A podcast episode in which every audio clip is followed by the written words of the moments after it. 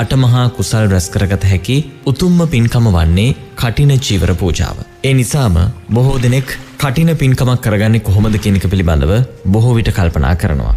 ඒ අතරතුරේදී වර්තමානය වෙනකොට මේ කටින පින්කම්වලට විවිධ විවිධ විසිතුරු දේ එකතු වෙමින් පවතිනවා. ලෝතුරා බුදුපියාණන් වහන්සේ දේශනා කළා තියෙනවා විසිතුරු විසිතුරු ආකාරයෙන් පින්කම් කරන්න එහි වරදක් නැහැ කියලා. හැබැයි සමහර වෙලාවට මේ පින්කමකට එකතු කරන මේ විසිතුරු දේවල් නිසා පින්කමේ අර්ථය ගිලිහි යන්න පුළුවන්කම තියෙනවා.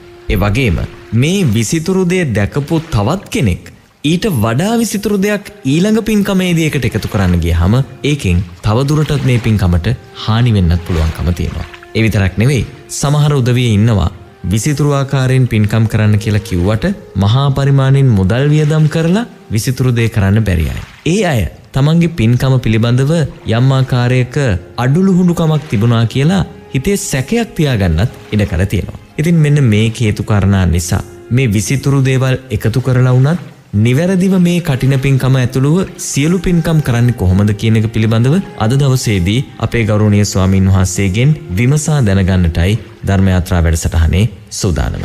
අවසරයි ස්වාමීනී සාධූ සාධූ සාධූ. මහත්මයා මේ වෙලාවේ ප්‍රශ්නයක් හැටියට යොමු කොළේ මහත්තයෝ මේ චීවර මාසේ දැම් මේ චීවර මාසි ගෙවී යනවා.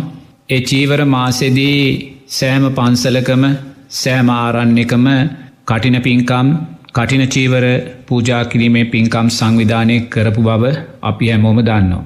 මේ කටින චීවර පින්කම ධර්මානුකූලව කළයුත්ත කෙසේද කියන කාරණයයි මහත්මයා ප්‍රශ්නයක් හැටියට යොමු කළේ පින්වතුනි. එතනදී අපි මුලින්ම හිතන්න ඕනේ බුදුරජාණන් වහන්සේ නිවන් මාර්ගය හැටියටත් සුගතියට යන මාර්ගය හැටියටත් අපිට දේශනා කල්ලා තියෙන්නේ මෙලව සහ පරලව කියන සැප ලැබීමේ මාර්ගය හැටියටත් අපිට දේශනා කල්ලා තියෙන්නේ උතුම් ආරෂ්ඨාංගික මාර්ගය. ආරෂ්ඨාංගික මාර්ගයෙන් තොර නිවන් මාර්ගයක් හෝ මෙලව පරලව සැප ලැබීමේ මාර්ගයක් බුදුරජාණන් වහන්සේ අපිට දේශනා කළ නැහැ.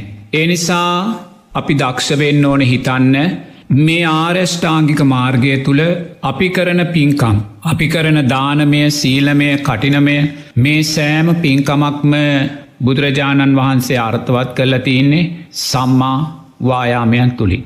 සම්මා වායාමයන් හැටියට බුදුරජාණන් වහන්සේ දේශනා කරන්නේ කරන්නා වූ කුසල් අපි තව තව ශක්තිමත්ව කරනු. නොකලා වූ කුසල් අපි අලුතෙන් කරන්න පටන්ගන්න. කලා වූ අකුසල්ලොල්ට අපි යන්නේ නෑ නොකලා වූ අකුසල් අපි කරන්නේ නෑ. එනිසා මෙන්න මේ සම්මා වායාමයන්ට තමයි අපි කරන්න වූ පින්කම් කියන කාරණය ආරෂ්ඨාංගික මාර්ගය තුළ බුදුරජාණන් වහන්සේ ගොුණු කරලා තියෙන. ඒ නිසා අපි කටින පින්කමක් සිද්ධ කරද්දි එය සම්මා වායාමයක් බවට පත් කරගන්නන. මොකද අපිය සම්මා වායාමයක් බවට පත් කරගත්තේ නැත්තං අපිට කවදාක්වත් සම්මා සතියක් ඇති කරගන්න බැහැ. අපි කුසලේ අකුසලේ නිවැරදි වඳුනන්නේ නැහැ. අපි කුසලේ නාමයෙන් කරගන්නේ අප්‍රමාණ මනෝ අකුසල්. මොකද ලෝබ දේශ මෝහයන්. ඒ නිසාම අපි නිරේතුරුවම සම්මා සතිය දුරුවල කර ගනිද්දි සම්මා සමාධයක් ගැන කතා කරල වැඩක් නැහැ. අපිට තියෙන විසිරුණු හිතක්. කාමච්චන්ද ව්‍යාපාද තීනමිද්ද උද්දච්චකුක්කුච්ච විචිකිච්චා කියන මෙන්න මේ විසිරුණු අධර්මයට අදාළ හිතක් තමයි අපිට තියෙන්නේ. අපි කටින පින්කම ඉවර කරලා අපි හිතන්නේ ගිය පාරට වඩා අපි හොඳට කටින පින්කම කලා. අරගොල්ලන්ට වැඩා අපි හොඳට කලා දොර පින්කම තුළ තිබිලතින්නේ තරගකාරීත් ඔය ඒ කියන්නේ කාමත් චන්දයන් තමයි පින්කම් තුළින් ජීවිතයට ඇස පිනෙව්වා කන පිනෙව්වා නාසය පිනෙව්වා දිව පිනෙව්වා ශරීරය මනස පිනෙව්වා අපි අධ්‍යාත්මික සලාහිතනයෝ පිනෙව්වා වගේම අපි බාහිර සලාහිතනයනුත් පිනෙවා. එච්චරයි අපි කරලදී. මොකදා මහා පින්කමක් කරලා අට මහා කුසලයන්ට අදාළව කටින පින්කමක් කරලා අපි එහි අවසාන පලේ හැටියට ජීවිතයට එකතු කරගන්නේ පංචනීවරණයන්නම් එකන කාමච්චන්දයක් නං ඇස පිනවීමේ කනපිනවීමේ නාසය පිනවීමේ දිව ශරීරය මනස පිනවීමේ ආස්වාදයක් නං පිංහතුනේ කනගාටුවෙන් වුවත් කියන්න වෙනවා අපේ පින්කම අපි ආර්යෂ්ඨාංගික මාර්ගයේ වැඩෙන ආකාරයෙන් සිද්ධ කරගෙන නැහැ. එනිසා පින්කමක් සිද්ධ කරද්දී ඒ පින්කම තුළින් ඔබ කරන සම්මා වායාමයන් ශක්තිමත් කරගෙන. සම්මා සතියක් ඇති කර ගන්නනම්. සම්මා සතිය කියන මොකක්ද. අකුස්සලේ යටපත් කරලයා කුසලය මතු කරනවා. ලෝබදවේශ මෝහයන් යටපත් කරලයා අලෝභ අදවේශමෝහයන් මතු කරනවා. එයා හිතන්නේ තරඟකාරිත්වය නෙමේ. අහවලා කළේ කොහොමද කියන කාරණය නෙමේ. මමයි වඩාත්ම හොඳින් කරන්නේ කියන කාරණය නෙමේ. එයා හිතන්නේ මංකරන පින්කම තුළ සම්මාධිට්ටි අර්ථයන් තියෙනවාද. මංකරන පින්කම් තුළ සම්මා සංකප්පයන් තියෙනවාද. මගේ පින්කම නෙක්කම් මෙෙන් පෝෂණය වෙලාද. මගේ පින්කම ලෝබ දවේශ මෝහයන්ගෙන් ඔද්දල් වෙරාද. සම්මා වාචා සම්මා කම්මන්තෝ සම්මා ආජීවයන් මගේ පින්කම තුළ තියෙනවාද. ඒවයින් මගේ පින්කම පෝෂණය වෙනවාද. අන්නයාගේ සම්මා සතිය පින්හතුනි. එය අයියාගේ සම්මා සතිය. යමෙක් උත්සාහ කරන්නේ තමන් කරන පින්කම තරඟකාරීව හැමෝටම වඩා වෙනස් විදිහට කරන්න නං හැමෝටම වඩා ඉහලින් කරන්න නං තව කෙනෙත් නොකලාකාරයෙන් සිද්ධ කරන්න නං එතන අපි වඩලතින්නේ අකුසල් මූලය. කුසලය යටපත් කරගෙන අපි අකුසලය මතු කරන. ඒ නිසාම අපි අතින් සිල්පද දුර්වල වෙනවා. සිල්පද දුර්වල වෙන්න පුළුව. තව කෙනෙකුට මානසික හිංසනයක් ඇති කරන්න පුළුව. තව කෙනෙකුට මානසික වේදනාවක් ඇති කරන්න පුළුවන්. ඒ වගේම අපේ නිරතුරුවම සම්මා සතියේ දුර්වලභාවය නිසා සම්මා සමාධිය අපෙන් තවතව ඇතට යන්න එනිසා අපි දක්ෂ වෙන්න ඕනේ අපි කරන කටින පින්කම. නිරේතුරුවම අනුන් සතුට කරන පින්කමක් බවට පත්වෙන්න නං. හැබැයි අපි අනුන් සතුටු කරන්න ඕනේ කාමච්චන්දයන්ගෙන් නෙමේ ඒක තේරුම් ගන්න ඕනේ. අපි අනුන් සතුටු කරන්න ඕනේ ව්‍යාපාද තීනමිද්ද උද්දච්ච කුක්කුච්ච විචිකිච්චාවන්ගෙන් නෙමේ. අපි අනුන් සතුටු කරන්න ඕනේ සති සම්බෝජ්ජන්ගේ. ධම්ම විජය සම්බෝජ්ජන්ගෙන් වීර සම්බෝජ්ජන්ගෙන් ප්‍රීති පස්සද්ධි සමාධි උපේක්කා සබෝජ්ජන්ගයන්ගෙනුයි අපි පිංහතුනේ අපේ පින්කම හැම වෙලාවම අනුන්ව සතුටු කිරීම උදෙසා ජොදාගත යුත්තේ. එනිසා ඔබේ හර්ද සාක්ෂිර තට්ටු කල් අහන්න ඔබ කරගත්තා වූ පින්කම. ඒ අනෙ සැබෑ සම්මා වායාමයක් වුණාද ඔබ තුළ සම්මා සති ඇති වුණාද ඔබ තුළ ඒ නිසාම පංචනීවරණය යටපත් වූ සම්මා සමාධිමත් හිතක් ඇටිවුනාද කියන කාරණය තමා තමාගේ හර්ද සාක්ෂිර තට්ටු කල්ලා අහන්න දක්ෂ වෙන්න ඕන්. පිංහතුනී සද්ධාව දුර්වල වෙලා යන සමාජක අපි මීට පෙරාතු අප්‍රමාණ කතා කල්ලා තිනවා සද්ධාවේ දුර්වල භාවය පිළිබඳ බුදුරජාණන් වහන්සේ මේ නියසිලට පස්්ටිකක් කරම් පෙන්නල කියනවා මහනෙනි මෙපමණයි සද්ධාව සකස් කර ගත්තා ඉන්න කියලා. අනිත් මහපොලවේ පස් ප්‍රමාණයට අසද්ධාව තුළයි එනම් පිංහතුනේ සද්ධාව කියන කාරණය ලෝකයේ දුර්ලභ කාරණයක්. සද්ධාව කියන කාරණය අපි තුළ ඇතිවෙන්න නම් චතුරාර් සත ධර්මයන් තුළ අපේ ජීවිතේ විසරෝල දකිින් අපි දක්ෂවෙන්න ඕනේ. අපි තුෂ්නාව ඇතිකර ගත්තොත් එහි පලේ දුකේ කියන කාරණය දකිින් අපි දක්ෂවෙන්න ඕනේ. තුෂ්නාව සියුම් කරන මාර්ගය ආර්යෂ්ඨාංගික මාර්ගයයි කියලා දැන ගනිමින් අපි කරන සෑම පින්කමක්ම ආර්යෂ්ඨාංගික මාර්ගය පෝෂණය වෙන පින්කමක් බවට පත් කරග. බුදුරජාණන් වහන්සේ දේශනා කරනවා විසිතුරු විසිතුරු ආකාරයෙන් පින්කන් සිද්ධ කරන්න කියලා. ලස්සන ලස්සන ආකාරයෙන් පින්කම් සිද්ධ කරන්න කියලා. ප්‍රනීත ප්‍රනීත ආකාරයෙන් පින්කන් සිද්ධ කරන්න කියලා. නමුත් පිංහතුනි ඉං අදහස් වෙන්න එක නිවන් මාර්ගය කියලා. ඉන්න අදහස් වෙන්නේ ඔබ ප්‍රනීත ප්‍රනීතදේ පූජා කරයිද ඔබ ප්‍රනීත ප්‍රනීතදේ ලබන කෙනෙක් වෙනවා. ඔබ විසිතුරු විසිතුරුදේ පූජා කරයිද ඔබ විසිතුරු විසිතුරුදේ ලබන කෙනෙක් වෙනවා. ඔබ ලස්සන ලස්සන දේ පූජා කරයිද ඔබ ලස්සන ලස්සන දේ ලබන කෙනෙක් වෙනවා. පිංහතුන එතන ආනිසංස ධර්මයක් බුදුරජාණන් වහන්සේ දේශනා කරන්න. නමුත් බුදුරජාණන් වහන්සේ ඒ තුළින් නිවන් මාර්ගය දේශනා කරන්නේ නැහැ. එතන ප්‍රනීතදේ ආනිසංස බුදුරජන් වහන්සේ දේශනා කරනවා. විසිතුරුදේ ආනිසංස බුදුරජාණන් වහන්සේ දේශනා කරනවා. ඒක එ ප්‍රනීතදේට අදාලා ආනිසංස නමුත් ඉං අදහස් වෙන්නේ ඒ ධර්මය තුළ නිවන් මාර්ගය තියෙනවා කියලා. නිවන් මාර්ගය කියන ආරශ්ාංගික මාර්ගය. එතොට ඔබ දක්ෂ වෙන්න ඕනේ. ඔබ ප්‍රනීත වශයෙන් අලංකාර වශයෙන් ලස්සනාකාරයෙන් කරන පින්කම්. නිවන් මාර්ගයට යොමු කරගන්න. ඔබ නිවන් මාර්ගය අමතක කරලා ඔබ ප්‍රනීත ප්‍රනීතදේ අරගෙන යනවනං විසිතුරු විසිතුරුදේ පූජා කරනවනං ලස්සන ලස්සනදේ පූජා කරනවනං විසිතුරු විස්තුරු ආකාරයට පින්කං කරනවනං විපාකයඔබට ලැබෙනවා. නමුත් ඔබ ප්‍රනීතදේ ලබද්දී ඒ ප්‍රනීතදේ ඔබ ගින්දරක් බවට පත් කර ගන්න. ඒ විසිතුරු ලස්සන දේවල් ලබද්දී ඔබ ඒ දේවල් ගින්දරක් බවට පත් කරගන්නවා මොකොද ඔබ මාර්ගය තුළ නෙමේ ප්‍රනීත ප්‍රනීත දේවල් පූජා කළේ. එනිසා බුදුරජාණන් වහන්සේ විසිතුරු විසිතුරු දේ පූජා කරන්න ප්‍රනීත ප්‍රනීත දේ පූජා කරන්න කිව එක නිවන් මාර්ගයට අදාළ නිසා නෙමේ. ඒක ඔබේ ආනිසංස ධර්මය එච්චරයි. ක්‍රස්ටයානි මහත්තයකුටත් ප්‍රනීත ප්‍රනීත දේ පූජා කළොත් ප්‍රනීත ප්‍රනිතදේ ලැබේ. විසිතුරු විසිතුරු දේ පූජා කළොත් විසිතුරු විසිරුදේ ලැබේ. නමුත් ඒක නිවන් මාර්ගයක් වෙන්නේ නැහැ. නමුත් ඔබ ප්‍රනීත ප්‍රනීතදේ පූජා කරලා විසිතුරු විසිතුරුදේ පූජා කරලා ලස්සන ලස්සනදේ පූජා කරලා ඔබාරය ෂ්ටාංගික මාර්ගයෙන් බැහැරනංගේ දේ කළේ ඔබත් අන්‍යාගමික පින්වතෙක් කලාව පින්කමක විපාකයනු ජීවිතයට එකතු කරග. ඒක තේරුම් ගන්න. එනිසා ඔබ කරන ප්‍රනීත පූජාව හැම වෙලාම මධ්‍යම ප්‍රතිපදාවට යටත් වෙන්න ඕනේ. ප්‍රනීත පූජාව මධ්‍යම ප්‍රතිපදාවට යටත් වනොත් පමණයි.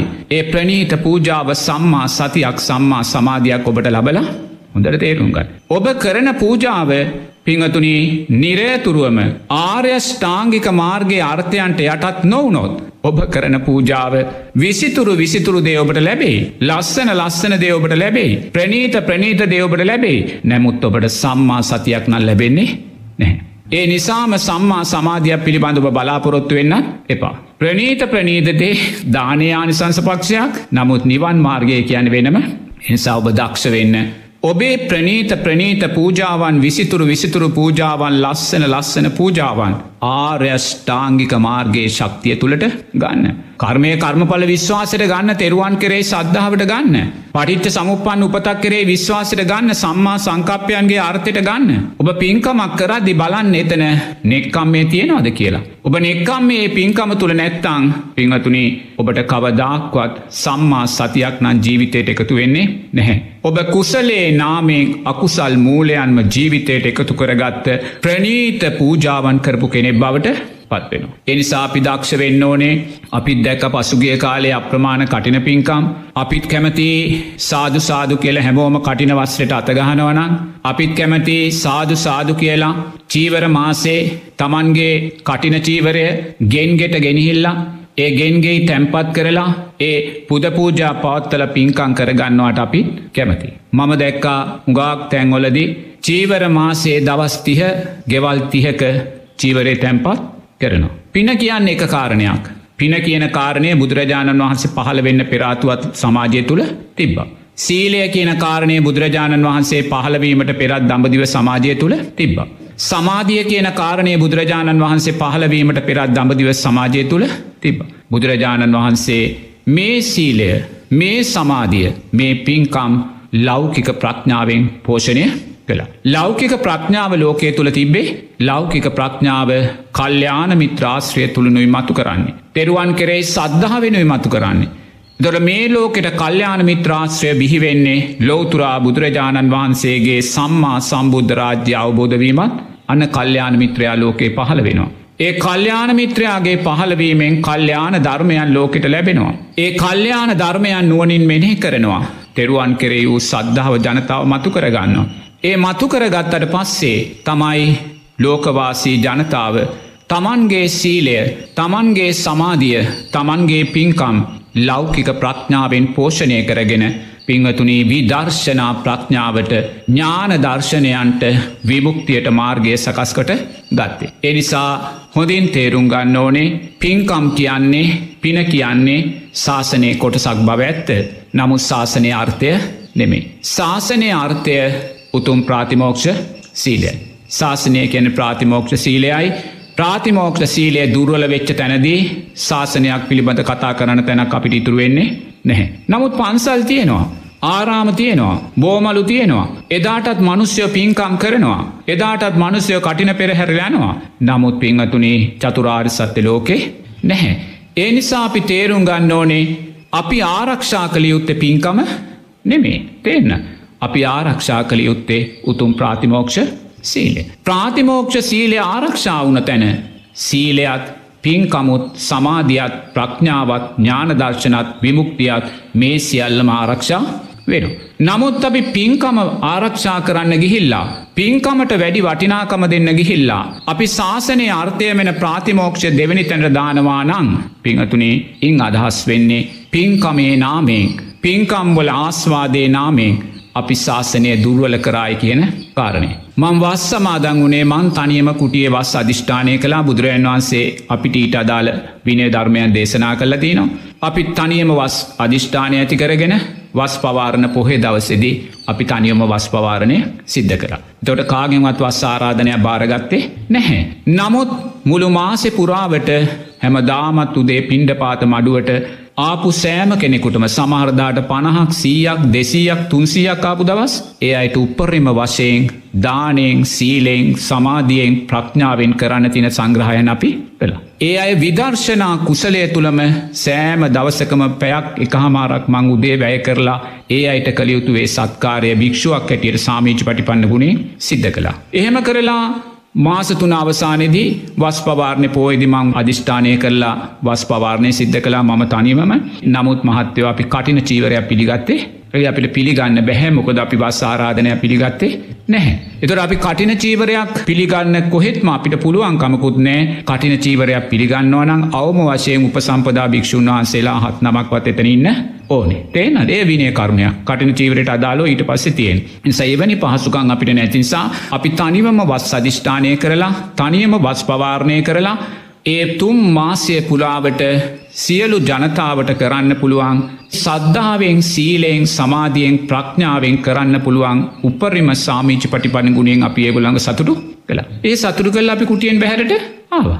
එතනින් මගේ බස්පින්කම භික්ෂුව කැටට ඉවරයි. ඉති මේ විදිිය බස්පින්කම් කරපු අප්‍රමාණ ස්වාමීන් වහන්සේලා පේරටේ ඉන්න. උන්වහන්සේලා තනියම වස් අධිෂ්ඨානය කළ තනිය වස් පවාරණය කළ. උන්වහන්සේලා තුන්මාසේ තුළ ඒ වස්සීලයන් ශක්තිමත් කරගෙන ජීවත් වුණා. එතෝට ඒ වගේම බුදුරජාණන් වහන්සේ වස් ආරාධනාවන් පිළි අරගෙන වස් චීවරයක් පිළිගන්න ස්වාමීන් වහන්සේලාට පනෝප විනයක් තියෙන. එතෝට ඒ විනේති බුදුරජාණන් වහන්සේ සඳහන් කරනවා වස් පවාරණයට පෙරාතුව වස් ආරාධනා කරපු පින්වතාට පුළුවන් ඇවිල් අහන්න ස්වාමීන් වහන්සේගෙන් ස්වාමීන් වහන්ස අපි ඔබවහන්සේට වස්ටීවරයක් පූජා කරන්න බලාපොරොත් වෙනවා වස්ත්‍රයක් ඔබවහන්සේට අවශ්‍ය දෙපට සිවරද්ද ඔබවහන්සේට අවශ්‍ය තනිපට සිවරද්ද ඔබවහන්සේට අවශ්‍ය අදනයක්ද කියලා. එතුට අපේ අවශ්‍යතාවය මත අපිට ඒක කියන්න දොට මට තනිපොට සිවරක අවස්ථාවයක් තියෙනවා මට කියන්න නිදහස තියෙනවා මට තනිපොට සිවරක් අවශ්‍ය කියලා. එතො දැන් කැපකරු දන්නවා කුමද්ද ස්වාමීන් වහන්සේගේ අවශ්‍යතාවය කියලා. නමුත් මට තුන් සිවර පරිපූර්ණ නම් මට කියන්න පුළුවන්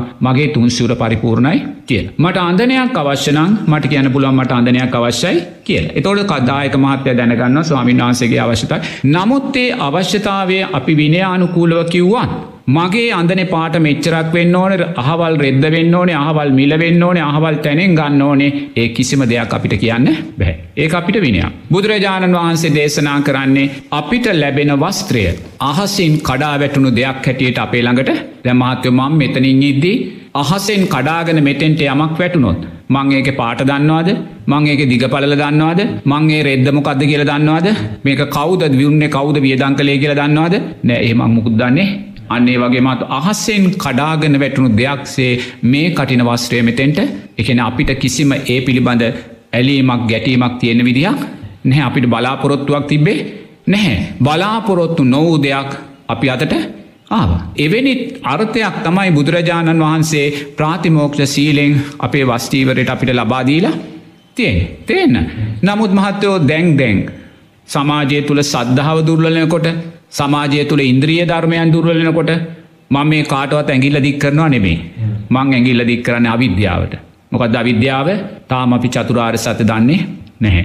චතුරාර් සත්‍ය ජීවිතයට එකතු කරගන්නේ යම් තැනක තුෂ්නාව ජීවිතයට එකතු කරගත් අද එතන තියෙන්නේ දුකයි කියල අපි තාම දකින්නේ ඒ නිසාම තුෂ්නාව පසු පසාබි හබාගෙන යන. එතෝට එහෙම ගිහිල්ලා දැම් මම දැක්කා පහුගේ මාසේ බේ ගෙවී යන මාසේ වස් චීවර මාසේ මං දන්න දායක පිරිස් මං හිටියෝ දකුණු පැත්ත පලාතක කුටියක ඒ මහත්‍යයකෙන ස්වාමින්නාස අද අපේ ගෙදර වස්ටීවරය කියලා. එතොටේ වස්ටීවරය ගෙදෙට්ට වඩම් අද්දි මොද දවස් තිහේ ගෙවල් තියක වස්ටීවරය කටින චීවරය තියෙන. එතෝට ඒ කටින චීවරේ තිය අධි මහත්තයෝ ඒ ගෙදරාය ඒ ගෙතර මගුල්ගයක් වගේ සරසනවා. ආසන හදලා ලයිට් දාලා පුටු තියලා එනයට සංග්‍රහ කරලා එතෝට එන අය දැන් හැමෝම පඩුරුදානවා එන අය චීවර පූජා කරනවා එන අය අටපිරි කර පූජා කරනවා. ඉති ඒගොල්ලො ලොකෝ කැපවීමක් මහා සද්ධාවකින් සිද්ධ කරනවා. ඒ අයට පින තියෙනවා. හරි ඒ අයට ඒ පින කටිනවස්ත්‍රේට කොද ඒ අයට විනයක් නෑන මහත්තයෝ විනය තියන ස්වාමීන් වහන්සේලාට ඒ අයට විනයක් තොට බලන්න ඒ විදිහට ගමේ ගෙවල්තිහක දවස්තිහේදී ඒ වස්තරය වෙනුවෙන් ජනතාව කොයිසා සද්ධාවෙන් කැප වෙනවාට. එතකොට එහෙම සද්ධාවෙන් කැප වෙලා. ඒ අය වස්චීවරය පූජා කරන මොහොතේ එක විනයානුකූලෝ පරිපූර්ණ නැත්තං. සාමීන් වහන්සේගේ පැත්තෙන් විනයානුකූරුව පරිපූර්ණ නැත්තම්. දැ එවැනි චීවරය පූජා කරද්දි සාමීන් වහන්සේ චීවරය ගැන නොදන්නවාද? ආසිං වැටුනා වගේ දුනේ නැහැනි උන්හන්සේ ගෙවල්ලොට ගිල අනුශාසනා කරනවා හවසට පින්කං කරනවා පින් දෙනවා දේන එතකොට ඒක අහසින් කටන වගේද වැටෙන්නේ? නැහැනේ නැතැ මේ පුතේ මේවා මේ කෙනෙක්ගේ වැරදි නෙමේ කෙනෙක්ගේ වැරදි නෙමේ. හොඳේ මමත් මේ ධර්මය දන්නතුව පැවිදුනානම් මමත් ඔයදේ කරනවා. එතර ඒක වැරැද්දක් නෙමේ. නමුත් එතන අපි මුල් කරන්න පින.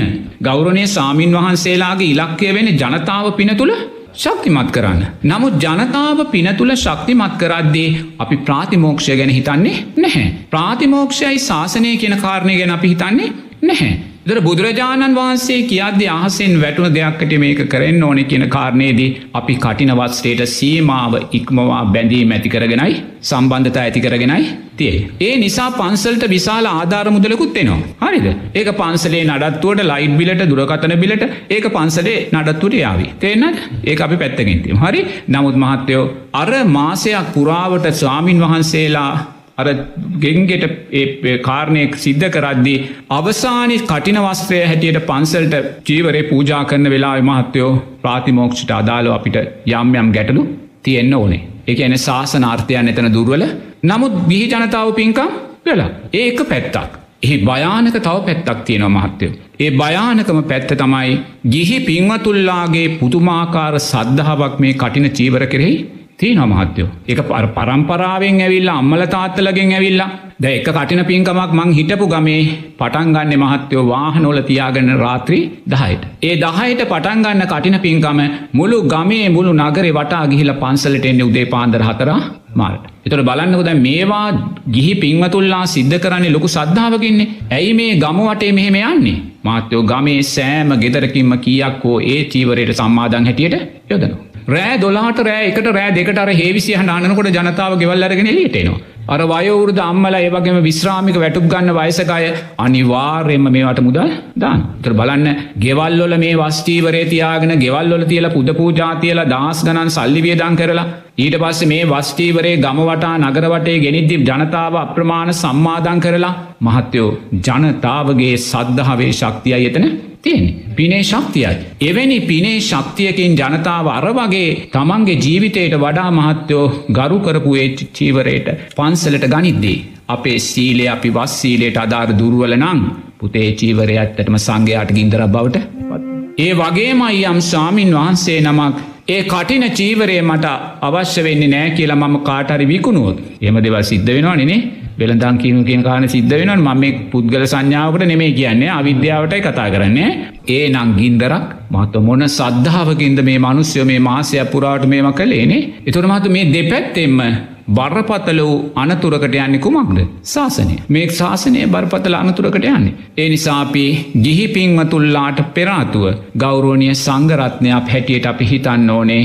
තුෂ්නාව වැඩිවෙන්න වැඩිවෙන්න අපේ දුකයි වැඩිවෙන. එනිසා පින්කම නෙමේ වටින්නේ ප්‍රාතිමෝක්ෂ සීලය. අපි ඔය සියල්ලම නතර කරලා. අහසින් කඩා වැටුණු දෙයක් හැටියට කටින පූජා වෙලාවේ ඒ චීවරය අපි ළඟට ගෙනාවනං මහත්තයෝ ඒ තුළින් රැකෙන ප්‍රාතිමෝක්ෂයේ ශක්තිය. ඒ තුළින් රැකුණ භික්‍ෂුවගේ ප්‍රාතිමෝක්ෂ ශක්තිය මහත්‍යය මුළු ශාසනයක් මාරක්ෂා කරනවා. ඒ ආරක්ෂාවෙන ශාසනය තුළ ගිහි පින්වතුල්ලාට මහත්‍යයෝ නිදහසේ ශාසන අර්ථයන් නිස්තරහට අරගෙන යන්න නමුත් අපි ගිහි අයගේ පින උදෙසා ශාසන අර්ථයන් දුර්වල කරනවා නං අවසානයේදී ශාසනයක් පිනත් දෙකම අහිමි වෙනවා. ඒ නිසා අපි දක්ෂ වෙන්න ඕනේ නිරේතුරුවම මහත්තයෝ මෙවැනි පින්කම් කරද්දි ආර්යෂ්ඨාංගික මාර්ගයේ ශක්තිය තුළ කරන්න දැම් පැවිදි අපිටත් ආරක්ෂාගේ මාර්ගෙන නිවන් මාර්ගය දර අපේ ප්‍රාතිමෝක්ෂ සීලේ බවට පත්වෙන සම්මා වාචා සම්මා කම්මන්තෝ සම්මා ආචීවෝ. ඒ මාර්ගංග තුනයි අපේ ප්‍රාතිමෝක්ෂ සීලේප්සි විඩිය සිල්පද දෙසිය විස්ස ඔය මාර්ගංග තුනට අයිති. එතොට මාර්ගංග තුන මාත්ව හැම වෙලාම සම්මා දිට්ටි සම්මා සංකප්පයෙන් පෝෂණය වෙන්න ඕනේ. සම්මා දිට්ටියෙන් පෝෂණය වෙන්න ඔබ තෙඩුවන් කරේ සත්හාවෙන්. බුදුරජාණන් වහන්සේ කුමක්ද අපිට පනවල තියන්නේ. ධර්මරත්නයෙන් කුමක් අපිට පනවල තියන්නේ. අතීත සංඝයාගේ ගුණයන් මොනවද. ඒවා පිළිබඳ දැක්ම. ඒවාගේ ආභාෂය ඒවාගේ අර්ථය අපේ පින්කම් තුළ තියෙන්න කර්මය කර්මඵල විශ්වාසය අපි තුළ තියෙන් ඕනේ. අපි ප්‍රාතිමෝක්ෂ සීලේ දුර්වල කරගෙන අපි චීවරයක් ගත්තොත් ඒ ගන්නා උච්චීවරය අපිට ගින්දරක් බවට පත්වෙන්න පුළුව. එනිසා අපි නිරේ තුරුවම දක්ෂ වෙන්න ඕනේ එක පැත්තකින් ගිහි පින්වතාට පින්කිරීමට අවස්ථාව දෙන්න ඕන එක හරි නමුත් ඒ පින්කිරීම තුළ ගිහි පින්වතාත් ආරෙස්්ටාංගික මාර්ගෙන් බැහරට යන්න පුළුව. ලෝබදේශ මෝහයන් වඩල නෙක්කම්මය දුර්වල කරගෙන සම්මා සතියෙන් සම්මා සමාධියෙන් තොරව පින්කම නිමාවට පත් කරන්න අවසානය සංඝයාත් ප්‍රාතිමෝක්ෂසීලයේ පුංචි හෝ දුර්වලතාවයක් ලබමින් කටින චීවරය පිළිගන්න පුළුවන්. මොකෝ මහත්තයෝ අපි තුළ තුෂ්නාවන වැඩෙන්නෙනේ තුෂ්නාව නිසාන අපි ඔය දේවල් කරන්නෙනේ පන්සල්ට ආධාර වැඩි කරගන්න නේද? දවස් තියක් ඇතුළට ගෙවල් තියක චීවරේතිීදීන් ලැබෙන්න්න වූ ආදායම් පිළිබඳ අපිට පේනවනනේ හොඳේ මුදල් අවශ්‍යයි පන්සල්ට එක ඇත්ත නේද? නමුත් මාත්‍යයෝ ඒ මුදල් ලැබීම දෙසා අපේ සීලේ පුංචියෝ දුර්වලතාවයක් ඇතිවෙනවනම් ඒ ලබන මුදලෙන් තේරුමකුත් නෑ අපි ජනතාවටත් ආරෙස්්ඨාංගික මාර්ගෙන් බැහැර කිරීමේ කර්තබැයි අපි කරන්නේ. එනිසා හැම වෙලාම අපි දක්ෂ වෙන්න ඕනේ. අපි කරන පින්කම් සම්මාවායාමයන්ටයි අයිති. ඒ සම්මාවායාමයන් තුළින් අපිට ලැබෙන්න ඕනේ සම්මා සතියක් සම්මා සමාධයක්. එමනං ඔබ බලන්න ඔබේ හර්ද සාක්ෂයට තට්ටු කල්ලා මහා සංගරත්නය හැටියට අපිත්. ගිහි පිංහතුල්ලා හැටියට ඔබත්. මේ පසුගිය මාසේ මේ ගෙවී යන චීවර මාසය ඒ චීවර මාසෙදී කටින පින්කම් සිද්ධ කරලා කටින වස්ත්‍ර පූජා කරලා සැබවින්ම ඔබ සම්මා සතියක් ඇති කර ගත්තද. ඔබ සම්මා සමාධයක් ජීවිතයට එකතු කර ගත්තද. මේ ධර්මතාවයන් ඔබ නුවනින් මෙනෙහි කරල බලන්න සංඝයා හැටියට අපිත් ගිහි පිංහතුල්ලා හැටියට ඔබත් අපි සම්මා සතියක් නෙමේ නං අපි ජීවිතයට එකතු කරගත්තේ. අපි එකතු කරගත්තේ තුෂ්නාවේ ආස්වාදේන. කී අද අපිට ලැබුණේ. කී අද අපිට ආධාර ලැබුණේ. කොච්චරද අපිට පිරිකර ලැබුණේ මොනවද මේවට කියන තුෂ්නාවේ ආස්වාද. සම්මා සති එතන තිබ්බද සම්මා සති එතන තිබෙන හැ. මම මේ අවිද්‍යාවටයි කතා කරන්න පුද්ගල සංඥාවකට මමත් අවිද්‍යාව තුළ ඉන්නේ එනිසා මමත් එතනයි ස්ථානගත වෙලා ඒ නිසයි මම එවැනි පින්කම්වලට නොයා තනියම වස් අධිෂ්ඨානය කරලා තනියම් වස් පවාරණය සිද්ධ කරග. මං එහෙම කරන්නේ මට බියයි මමානතුරට යයි කියලා. මාවානතුරට ගිහිල්ලා ගිහි පින්වතුල්ලා අනුතුරට යවන්න අවශ්‍ය නැහැ. එනිසා මමත් අනතුරෙන් බේරිලා මං ගිහි පින්වතුල්ලත් ආරක්ෂා කලා ඉං අදහස් වෙන්නේ මම සම්මා සම්බුද්ධ ශාසනය ආරක්ෂා කරා කියන කාරණය. අන්න එතනටයි අපි ආයුත්තේ. එනිසා නිරේතුරුවම දක්ෂ වෙන්න ඕනේ සම්මාවායාමයන් වැඩෙන විදිහට අපේ පින්කම කරන්න සම්මා සතිය සම්මා සමාධියයි අපේ ඉලක්කය වීත්තේ ඉලක්කය තිබ්බොත් පමණයි අපිට විදක්ෂනා ප්‍රඥාව ජීවිතයට එකතු කරගෙන මේ සියලු සංස්කාරයෝ අනිත්‍යයි කියල අපිට දකින්න පුළුවන්කම ලැබෙන්. සංසාරයේ මම ලෝතුරා බුදුරජාණන් වහන්සේටත් කටින වස්ත්‍ර පූජා කලා ඒ සංස්කාරයෝ තනිත්‍ය වුණා සංසාරයමං මහරහතන් වහන්සේලා ලක්ෂ ගානකට කටින චීවරයන් පූජා කලා ඒ සංස්කාරයනු තනිත්‍ය වුණා ඒ වගේම භික්‍ෂූන් වන අපිත්.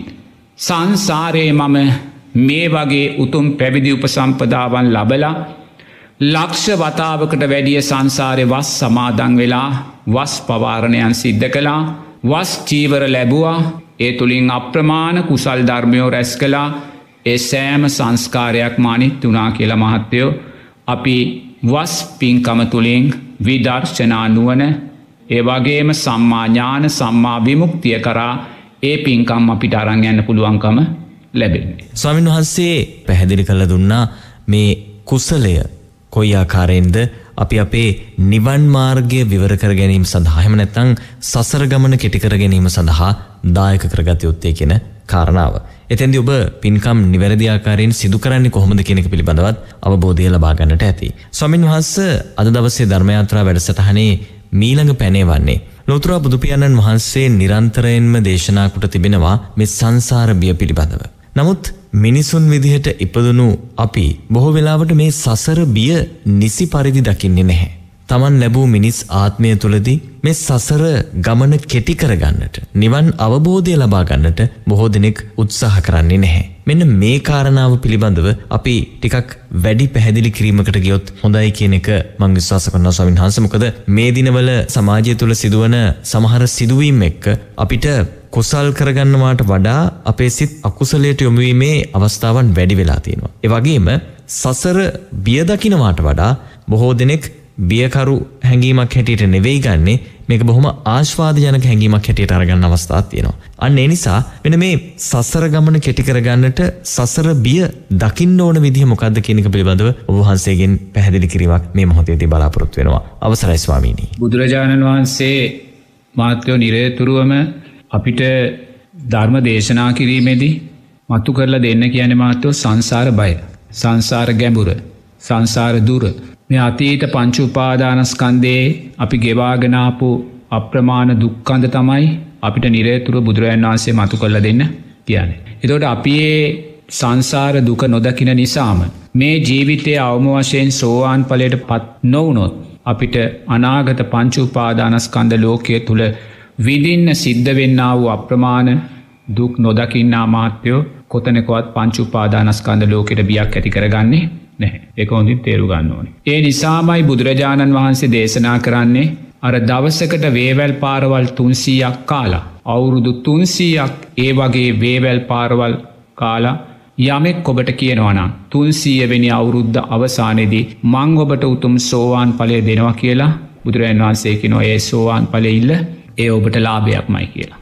දවසට වේවැල් පාරවල් තුන්සිය ගානේ අවුරුදු තුන්සියක් ඒ ගැන තුන්සිය හැට පහේවා තුන්සියක්. තොර බලන්නක කොයිසා දරුණු දුකක්ද වේවැල් පාරවල් තුන්සිය වගානේ අවුරදු තුන්සියක් අපි ගුටි කෑවොත් නේද. නමුත් බුදුරජන් වහන්සේ කියනවා ඒ ගුටි කෑම ලාභයක් මයි ඔබට ඔබ ඒ දුකවිඳලා උතුම් සෝවාන් පලේ ජීවිතයට ඉන්න අදහස් වෙනවා මහත්තයෝ අපි මේ සංසාර දුක සංසාර ගැඹුර මේ කාමයන්ගේ තියෙන නිසරුභාවය අපි ජීවිතයට එකතු කර නොගත්තොත් අපිට කොයිස්සා අනාගත බව දුකකට මුණ දෙන සිද්ධ වෙනවාද.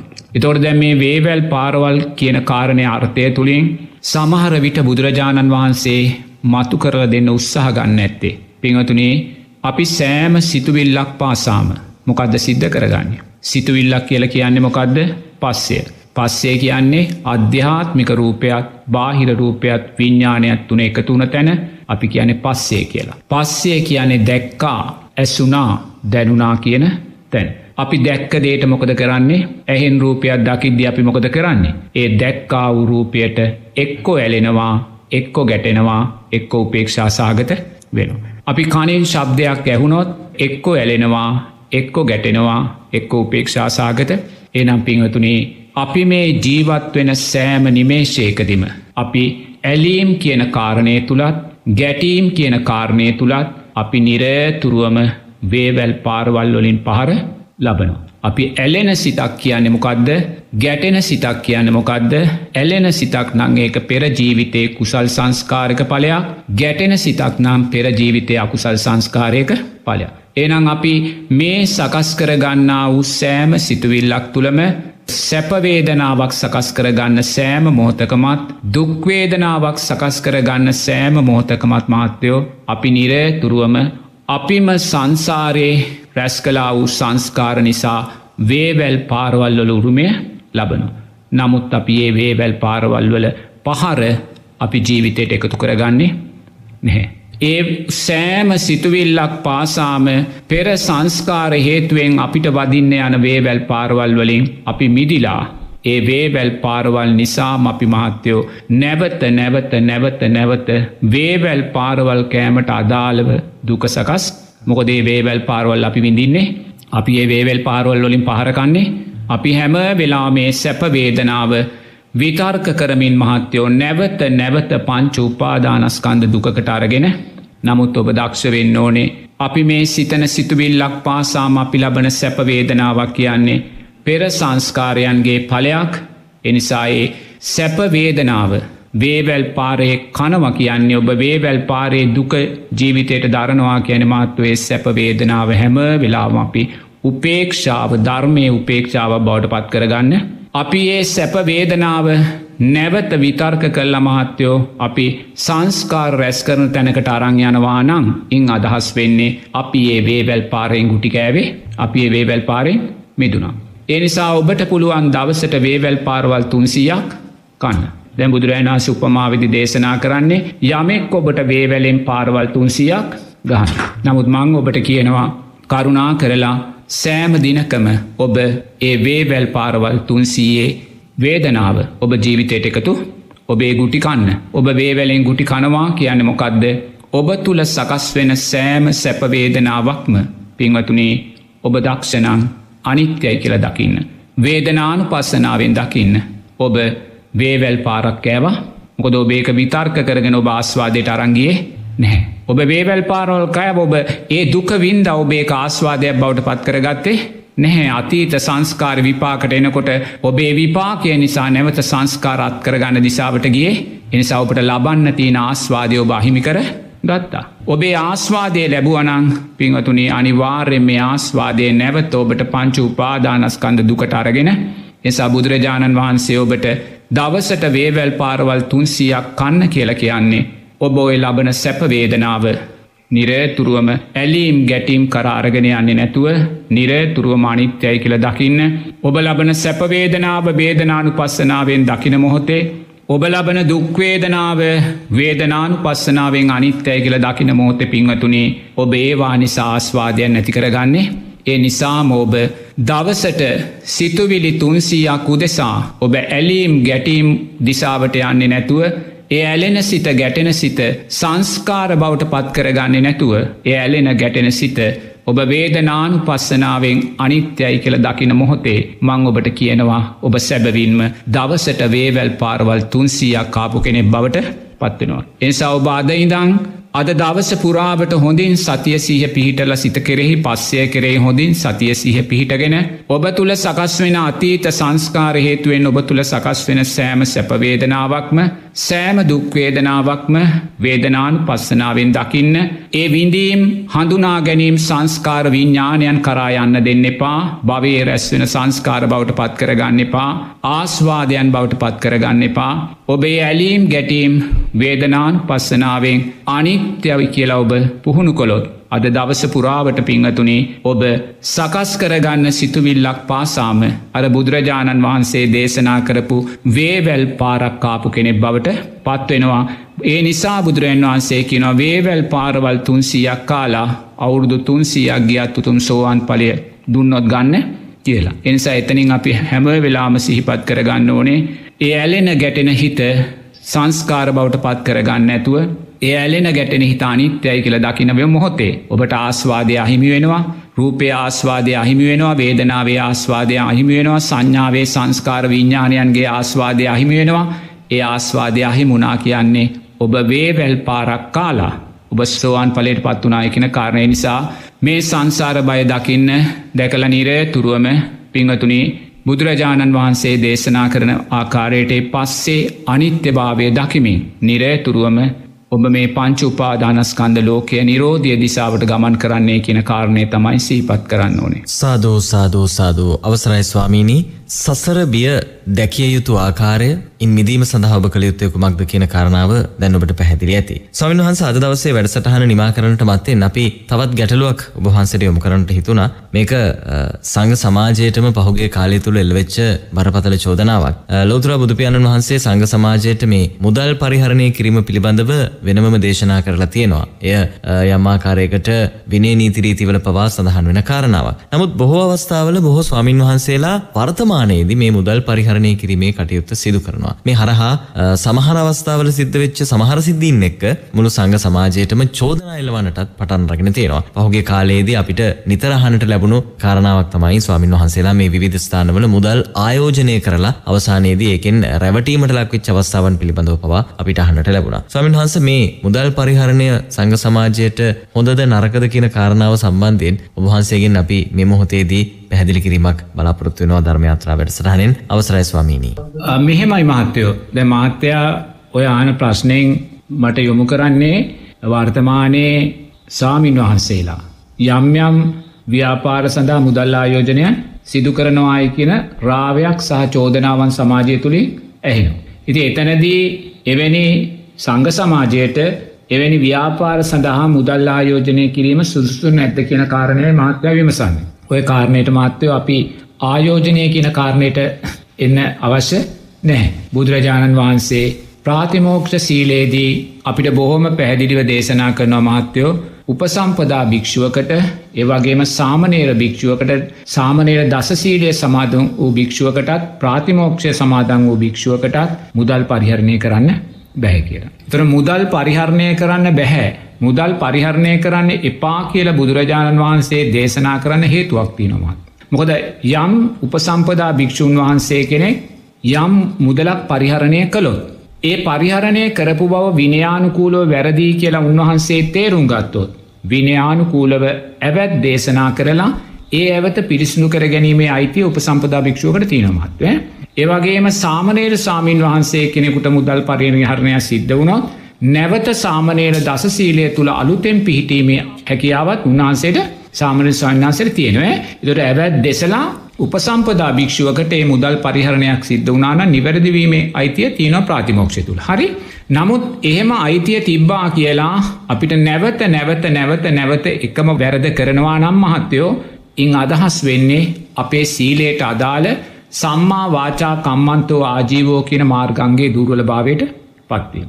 එතොට එනම් අපි වැරැද්ද දකිමින් එකම වැරැද්ද නැවත නැවත කරමින් ඇවැත් දේශනා කරන දිසාවට ගියත් මාත්‍යෝ අපේ සම්මා සති සම්මා සමාධි වැඩීමේ දුර්වල භාවය ඇතිවෙනවා. තේන මොකොද අපි මෙතන විනයානුකූලව ධර්මානුකූලව සීලයට දෙන්න වටිනාකම දෙන්නේ නැහැ තේන සීලට දෙන වටිනාකම දෙන්නේ නැහැ.